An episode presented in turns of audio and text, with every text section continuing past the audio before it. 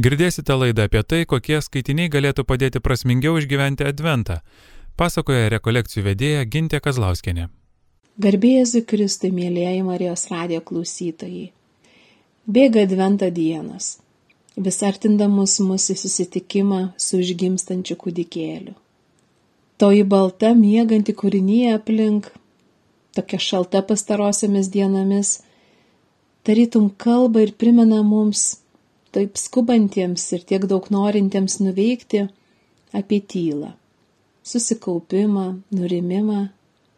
Tad ir aš kviečiu šioje trumpoje valandėlėje, sustojant prie knygų, per kitų autorių mintis, jų žvilgsnį, pabandyti giliau pažvelgti į tą, be kurios neįvyktų šitas mūsų susitikimas. Į tą, kuri tarytum tiltas nutiestas tarp dangaus ir žemės, kuriuo galėjo ateiti pas mus Dievas. Ir kaip bažnyčios tėvai gražiai sako, kurios iščios buvo tarytum staklės, nuaudusios Dievui žmogiškai jo apdarą. Kas toji moteris? Apie ją žinome lik ir daug, bet tuo pačiu ir labai mažai nes šventajame rašte apie Mariją palikta labai kukli informacija, leidžianti tikrai labai nedaug prisiliesti prie jos gyvenimo ir tuo pačiu mes ją žinome, kaip jos litanijoje sakome, besikreipdami įvairiausiais krypiniais, švenčiausia Marija, švenčiausia Dievo motina ir švenčiausia mergelė Margelė. Pirmieji trys kreipiniai nusakantis jos esmę. Ir tuo pačiu mes galime kartu su šventaja Bernadeta, kuri prieš 163 metus stovėdama prie Mesabėlės olos lurdė ir žvelgdama į tą gražiąją ponę sušukti. Pasakyk mums savo vardą. Ir kaip tarė mūsų gerai žinomas filosofas Antanas Maceina, prisijungti prie jo.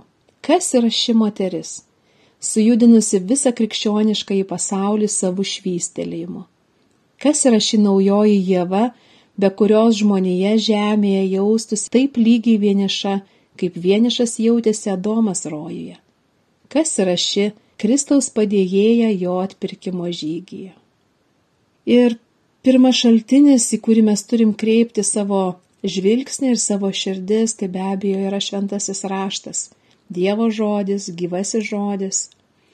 Ir kvieščiau šiame laike atsivertus laikas nuo laiko paskaityti, medituoti, nešioti savo širdyje, kaip tai darė ir Marija, nesuprasdama Dievo žodžio.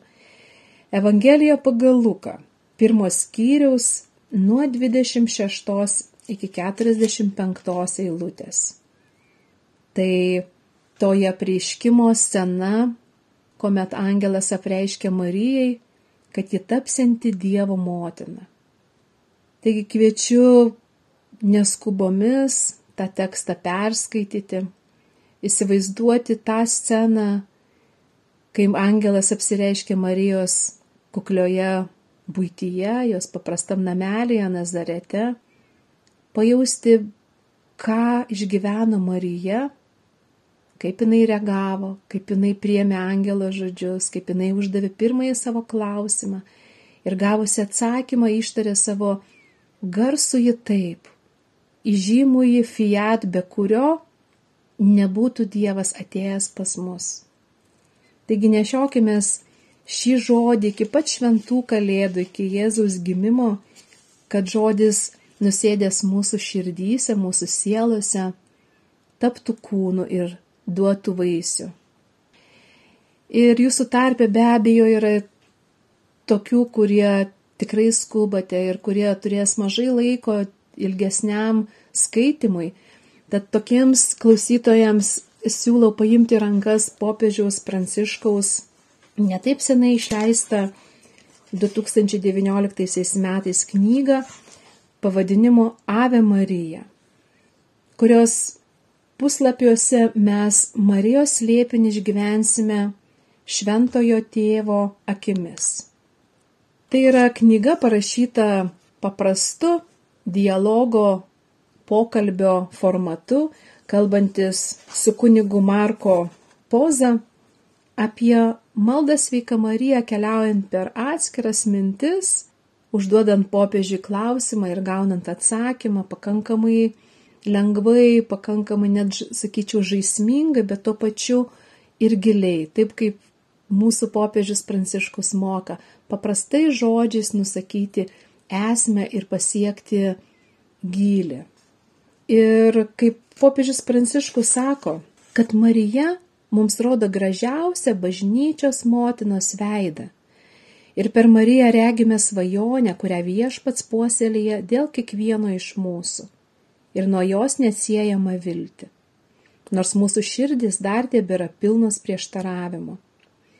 Marija nuolat mus drąsina, nes didžiausias jos noras visus nuvesti pas tėvą. Taigi, nors dažnokai tebesame susiskaldę, iš tiesų galime tapti viena šeima Jėzuje, jos sunuje ir mūsų viešpatyje, gailestingumo karaliuje ir bažnyčios kaip kūno galvoje. Taigi, šią mūsų sveiką Mariją maldos analizę, tokią sakyčiau, net skanę, tarytum skanus gardus piragėlis prie ritmetinės kavos, bet kuris užpildo mūsų vidinį troškulį. Kviečiu skaityti tuos, kurie iš tiesų neturite daug laiko. Taigi popiežius Pranciškus knyga Ave Marija. Antroji knyga be galo įdomi, bet jau gerokai storesnė, liūdinti apie Marijos meilę pasauliui, apie Dievo planą Marijai šioje žemėje. Tai yra nuostabi knyga, liudijimas, kuri vadinasi Bernadetos giesmė. Kodėl sakau, kad tai yra liudijimas? Kadangi šią knygą parašė austrų rašytojas Fransas Verfelis. Ir šitas romanas Bernadetos giesmė, kuriame jisai vaizduoja stebuklingą gydantį šaltinį prikėlusios lurdo regėtojos šventosios Bernadetos Subiru gyvenimo kelią. Ir jisai jį vadino ištiesėtų pažadu, kadangi autorius 1940 m.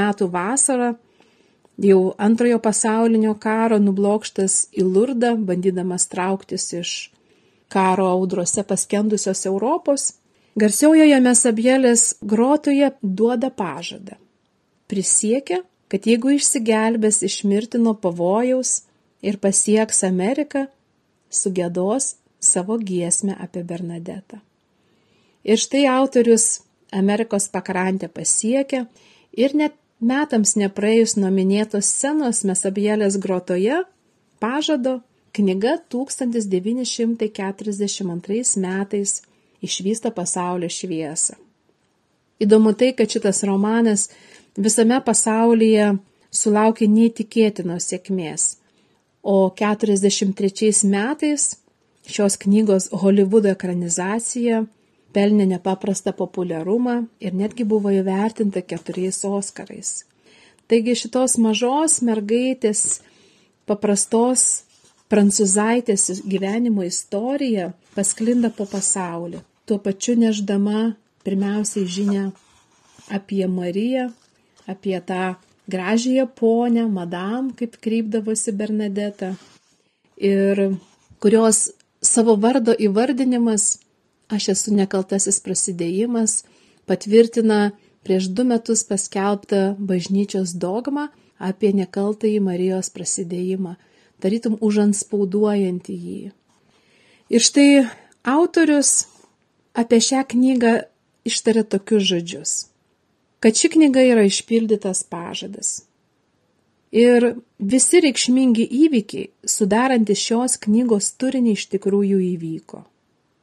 Aš ryžausi gėdoti Bernadetos giesmę, nors esu ne katalikas, bet žydas. Drąsos žengti šį žingsnį man įkvėpė daug senesnis netyčinis pažadas. Tada, kai pradėjau kurti pirmuosius eilėraščius, prisiekiau – jog savo kūriniais visada šlovinsiu Dievo slėpinį ir žmogaus šventumą, nepaisydamas epochos, kuri pašaipa, pykčių ir abejingumu nusigrėžė nuo šių aukščiausių mūsų gyvenimo vertybių. 41 metų gegužė Los Angeles Franz Werfel. Ir iš ties šitie žodžiai turbūt visiškai taikytini ir mūsų laikams, mūsų šioms dienoms.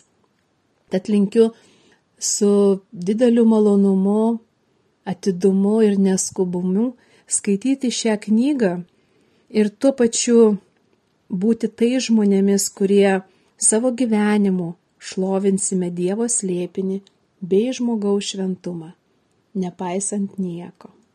Taigi Bernadetos gesmė - storoka, 500 puslapių sudaranti knyga, bet tikrai verta to laiko ir mūsų dėmesio jai. Sekanti knyga, kurią labai norėčiau Jums pasiūlyti, tai yra popiežiaus pamokslininko Ranier Kantalamezos knyga Marija bažnyčios veidrodis.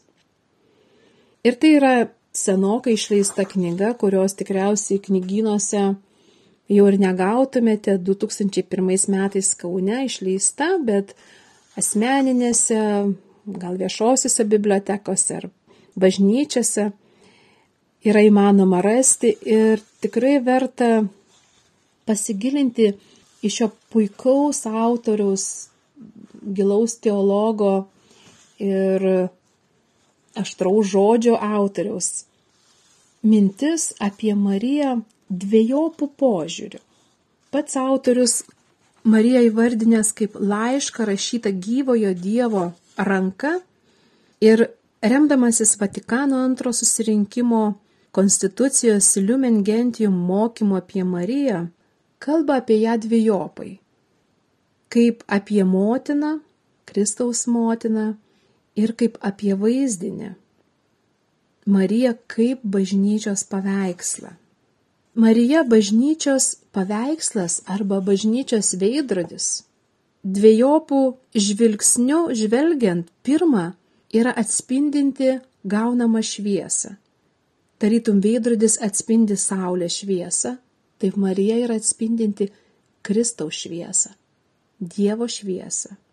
Ir antra, kadangi bažnyčia joje kaip veidrodyje gali ir turi matyti save ir prisižiūrėti, kad būtų graži savo dangiškajam sužadėtiniui. Ir kiekvienas šios knygos skyrius yra apmastantis Marijos gyvenimą. Bibliškai bei teologiškai. Ir mes gauname pamokymą, kaip jos pavyzdį praktiškai taikyti, kiekvienas savo asmeniškai ir tuo pačiu visai bažnyčiai. Marija, kuri pristatoma kaip motina ir mergelė, būdama tuo bažnyčios atvaizdu arba veidrodžiai, kurį bažnyčia turėtų žvelgti, kad išvystų save ir taptų šventa bei nesutepta. Ir žinau, šita knyga yra naudinga asmeninių dvasinių pratybų medžiagai, taip pat rekolekcijų, mokymų. Ir be abejo, ji tikrai galėtų vaisingai pasitarnauti ekumeniniam dialogui, kas yra itin aktualu mūsų dienoms bažnyčioje ir tuo pačiu dabar prasidėjus sinodinio kelio kelioniai.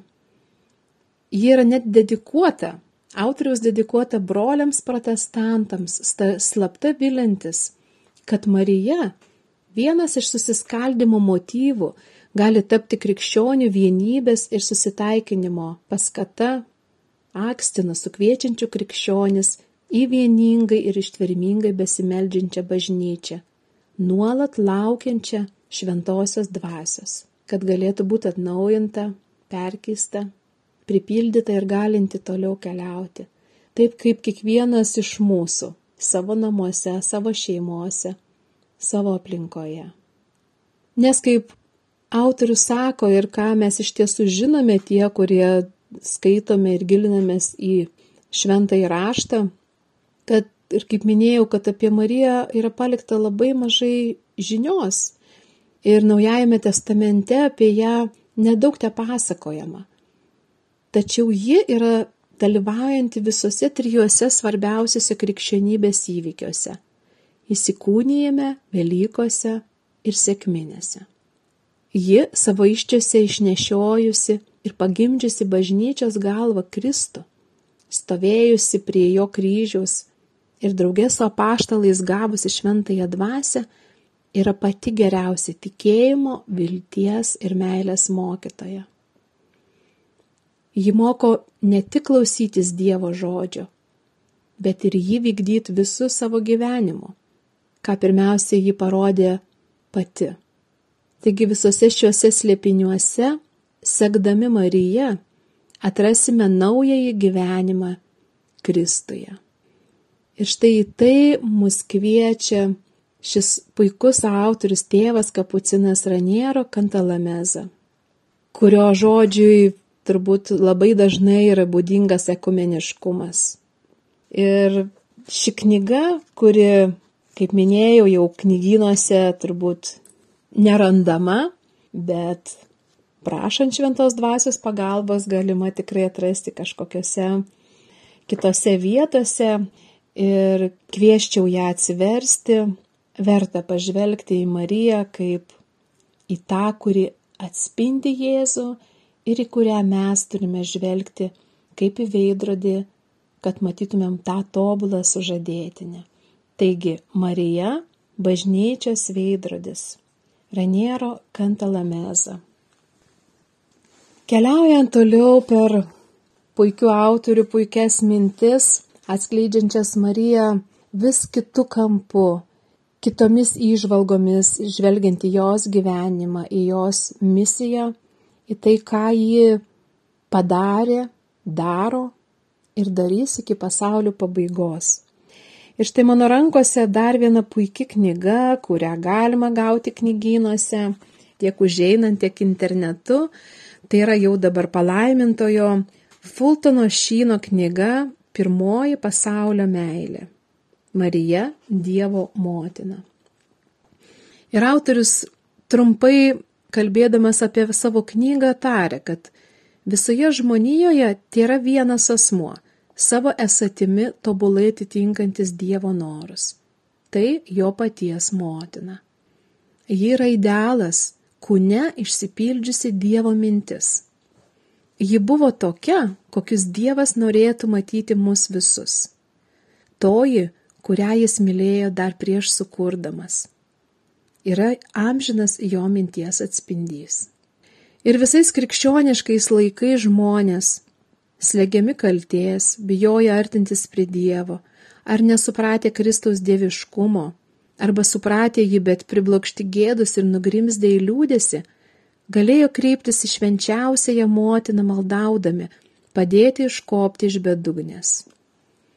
Tie, kurie dar nėra pasirengę priimti Kristaus kaip tarpininko tarp Dievo ir žmonių, gali prie šios tiesos artintis per Mariją, kuri veiks kaip tarpininkė tarp nelaimingų sielų ir Kristaus, kol šios galų gale priims jo apkabinimą.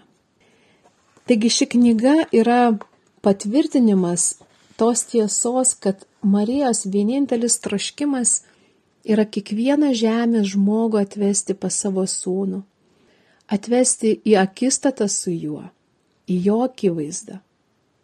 Tarytum suorganizuoti jų susitikimą ir tuomet pasitraukti į šoną. Vienintelis jos troškimas ir noras. Ir ši knyga, kurią sudaro 310 puslapių, taigi nėra plona, bet didelės raidės, yra tarytum sudaryta iš dviejų dalių. Ir pirmoji dalis kalba apie tai, kad Marija yra moteris, kurią myli pasaulis, o antroji dalis yra pasaulis, kurį myli moteris. Taigi, du kampai, požiūrio kampai be galo įdomus, labai gilus, nusileidžiantis net į pagoniškojo pasaulio laiką, kuomet tose tautose palikti pėtsakai mitologijoje, arhainiuose palikimuose kalba apie ilgesį moters. Ir tarytum Marija yra užkoduota tame ilgesyje, troškime, santykiuose, visoje žmonijos istorijoje. Kaip toji tyriausioji, skaiščiausioji, meilė. Nes Marija kitokia ir negalėjo būti. Ji buvo tas tobulas indas, kuris jau buvo Dievo mintį prieš amžių amžius, paskui paruoštas istorijoje, atėjęs į žemę, apdovanota Dievo malonė apsaugotai būti nuo gimtosios nuodėmės, nekaltasis prasidėjimas ir tas indas, kuriame užsimesga Dievas. Ir štai apie ilgesi šio tobulumo, šio skaidrumo, kuriame nėra nuodėmės, jokio plyšio, jokio įtrukimo, kalba autorius, remdamasis pasaulio istorijos patirtimi, žmonijos patirtimi ir antroji daly kalbėdamas apie Marijos meilę pasauliui, apie Marijos ilgesį tų savo vaikų, kurių motina jinai buvo palikta po Jėzaus kryžiumi. Ir autorius visą šią knygą baigia nuostabiais žodžiais, kuriuos norėčiau jums pacituoti. O Marija, mes ištrėmėme tavo dievišką į sūnų iš savo gyvenimo, švietimo, šeimos, ateik su saulė šviesa kaip jo galios simboliu. Numalšink mūsų karus, mūsų juodą nerimą, atvesink nuo kovos įkaitusius pabūklus, atplėšk mūsų mintis nuo atomo, o mūsų sielas nuo gamtos purvo. Atgimdyk savo dieviškajame sunuje mus, vargšus senosios žemės vaikus. Šturmuok visą galio sostą sugėdink mus ir padaryk savo taikos ir meilės kariais. Taigi kvietimas žvelgti į Mariją kaip į šiandieninės kovos pulko karvedę, kurios rankoje yra toji galinga viešpaties vėliava. Ir kviečiu pasimti šitą knygą, skaityti ją, gilintis ir visa ta gelmė, kuri atsivers prieš jūs, kad taptų keičianti jūsų gyvenimą, leidžianti atverti širdis šventosios dvasios veikimui ir tuo pačiu praturtinant savąjį žvilgsnį, žvelgiant į ją. Dievo motina ir pirmąją pasaulio meilę. Taigi Fultonas Šynas - pirmoji pasaulio meilė. Ir dabar norėčiau pristatyti dvi lietuviškos minties knygas. Visi šie autoriai minėti iki šioliai, tai yra kitų tautų autoriai žmonės, o štai du mūsų žemės sūnus, mūsų lietuviškos minties, mūsų mentaliteto, mūsų kraujo žmonės ir tikiu, kad toji mintis, jinai kitu, kitų svarių leidžiasi į mus. Ir pirmasis autorius, kurį noriu pristatyti, kurio žodžiais ir pradėjau mūsų, mūsų pokalbį, tai yra gerai žinomas filosofas Antanas Maceina.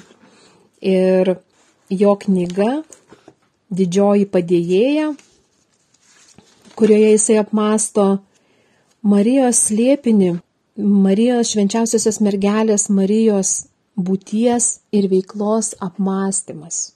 Taip vadinasi jo knyga ir tai yra išties didžiulė gelmė. Tiek į plotį, tiek į aukštį, tiek į gilį. Ten yra klodai nelengvi, atverintis turbūt kas kart vis skaitant naujus dalykus. Ir Marijos apmąstymas filosofinis Marijos apmąstymas remiantis pirmiausia šventuoju raštu, remiantis bažnyčios liturgiją, bažnyčios tradiciją, remiantis rytų ir vakarų bažnyčių skirtumais. Daugybė kitų autorių ir tikriausiai paties Dievo apreikštais dalykais, šventosios dvasios išjudintais dalykais. Ir iš tiesų visos šitos mintis, kalbančios apie Marijos sukūrimą, apie liturgijos žvilgsnį į Mariją, apie palyginimą tarp išminties, apie kurią kalba šventasis raštas, ir Marijos asmenį, apie Marijos buvimą mūsų lietuvių tautos mentalitete, lietuviškoje tradicijoje. Šie, šios mintis yra surašytos Antano Maceinos raštuose, ketvirtasis tomas, knyga, kurią galite rasti visur. Ir internete, ir senų knygų pardavimo vietose, ir esu mačius knygynuose, ir be abejo bibliotekose, tai tikrai yra dar netrastas mūsų tautos minties ir tautos sielos lobynas. Tai tikrai kvieščiau šią knygą susiradus atsiversti ir neskubomis, nes tai nėra lengva knyga. Be abejo, su malda, kaip ir visas šias knygas reikia skaityti, meldžiant šventos dvasios e, atvirimo mūsų protams, mūsų širdims, mūsų sieloms. Taigi, kvieščiau pasimti Antano Maceinos ketvirtąjį raštų tomą ir pasigilinti, ką jisai kalba apie švenčiausią mergelę Mariją, Dievo motiną ir mūsų motina.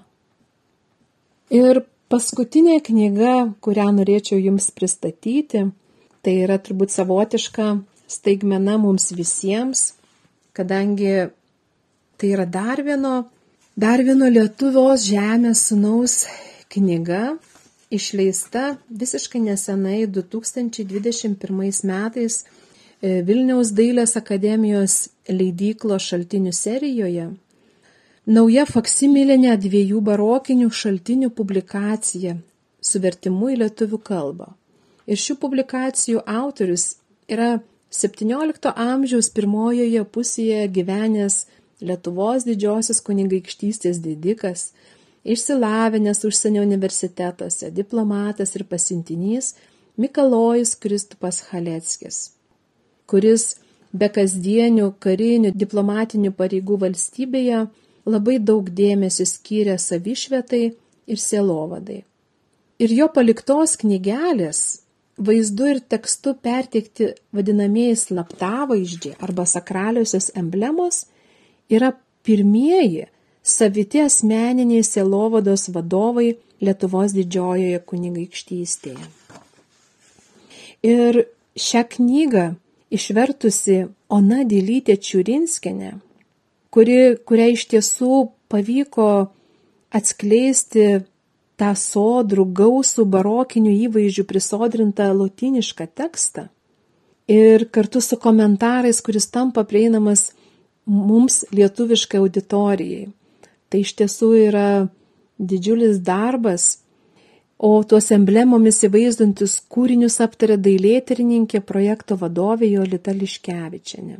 Ir galima sakyti, kad Haleckis priklausė tiems kuriejams, kurie užuot sekę to laiko emblemų pavyzdžiais, siekia įvaizdinti savitas būtent jų galvo, galvose gimusias vizijas. Ir autorius, kurio pagrindinis atspirties taškas yra šventasis raštas, parašo, išleidžia mus dominančią tą antrąją knygą, kuri vadinama Haleckio dvinaris arba dvi lelijų puokštės pažadėtos ir paukotos švenčiausiai Dievo gimdytojai. Ir toliau skaitau aprašą autoriaus. Tai yra puokštė Dievo gelmėje ant gamtinio Marijos prakilnumo, o antroji puokštė Saulės šviesoje, prigimtinio ir moralinio Marijos tobulumo. Išleista Vilniuje Tėvų bazilijonų spaustuvėje 1642 viešpatės metais. Manoma, kad Haleckio dvinario raižinių autoris yra auksakalys ir vario raižytojas Kristopas Albrechtas Vogelis.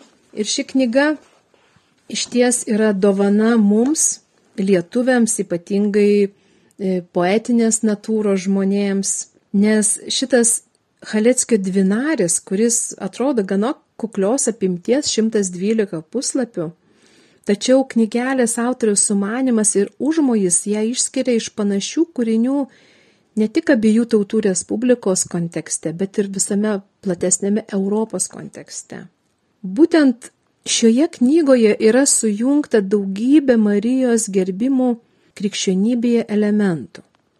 O tuo metu madinga embleminė forma Autoris pasitelkia apreiškimo ir įsikūnymo slėpiniui atrakinti.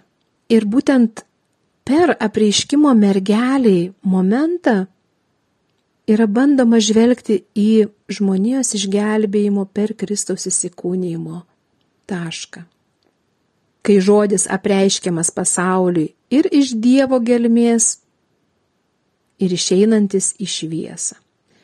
Šis kūrinys remiasi apreiškimo Dievo gimdytojai akatisto forma, tais formuojančiais, dvinario sandrą formuojančiais elementais. Ir kūrinį suteikta ta lelyjos simbolio įvaizdžio, tas pasirinkimas, lelyjino forma atliepia tą populiarią Marijos gėlyno struktūrą. O lelyjų puokštės yra ryšamos pagal Švento Pranciškaus Salezo rekomenduojamą principą kai jų žiedai simbolizuoja apmąstymų pabaigoj pasirenkamus svarbiausius punktus, kuriuos išskirt ir patarė jezuitiškos meditacijos vadovai. Taigi iš tiesų šią knygą aš pati dar skaitau tik tai po mažą, po vieną kitą meditaciją, nes be abejo nėra įprasta ausiai kalbėsena, nors tikrai mintis puikiai yra išversta ir pateikta bet tai yra gelmė. Ir šis, šis mūsų žemės sunus, kuris tikrai turėjo puikias galimybės padaryti didžiulę politinę karjerą ir atsisakęs dėl noro gilintis į sielos dalykus ir tikiu apturėjęs kažkokioj formoj Marijos apkabinimą, nes tik toks žmogus gali parašyti šitokios gelmės kūrinį, pašlovinimą Dievo motinos kaip tos paprastosios žemės moters ir Dievo šventosios, tos, kurios šventumas mums yra protu sunkiai suvokiamas. Ir šis autorius, kuris savo laiku buvo pastatęs Loreto namelį Valkininkose ir fundavęs įvairias veiklas pranciškoniško gyvenimo ir pats buvęs pranciškonas tretininkas, yra tikrai didelis atradimas, manau, ne man vienai, bet ir mūsų skaitytojams. Tad kviečiu pasieškoti šią knygą, jei manoma nusipirkti, galima internetu atsisiųsti Mikalojaus Kristupo Haleckio embleminių meditacijų knygos - Alegorijos ir Dvinaris. Taigi, mėlyjeji, apžvelgiau keletą knygų, paprastesnių, sudėtingesnių ir te būna jos ta galimybė pažvelgti į Mariją truputėlį giliau, sustojant, neskubant.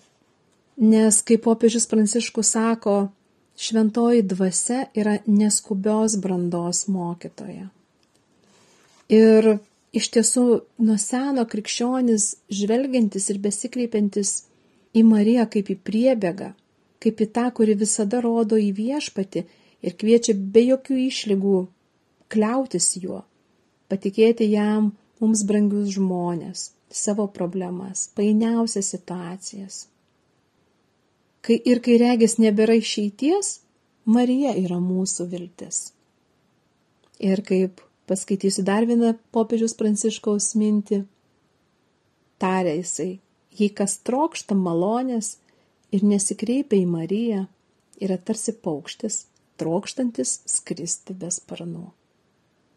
Taigi ir palinkėjusi būti tais paukščiais, kurie trokštame skristi.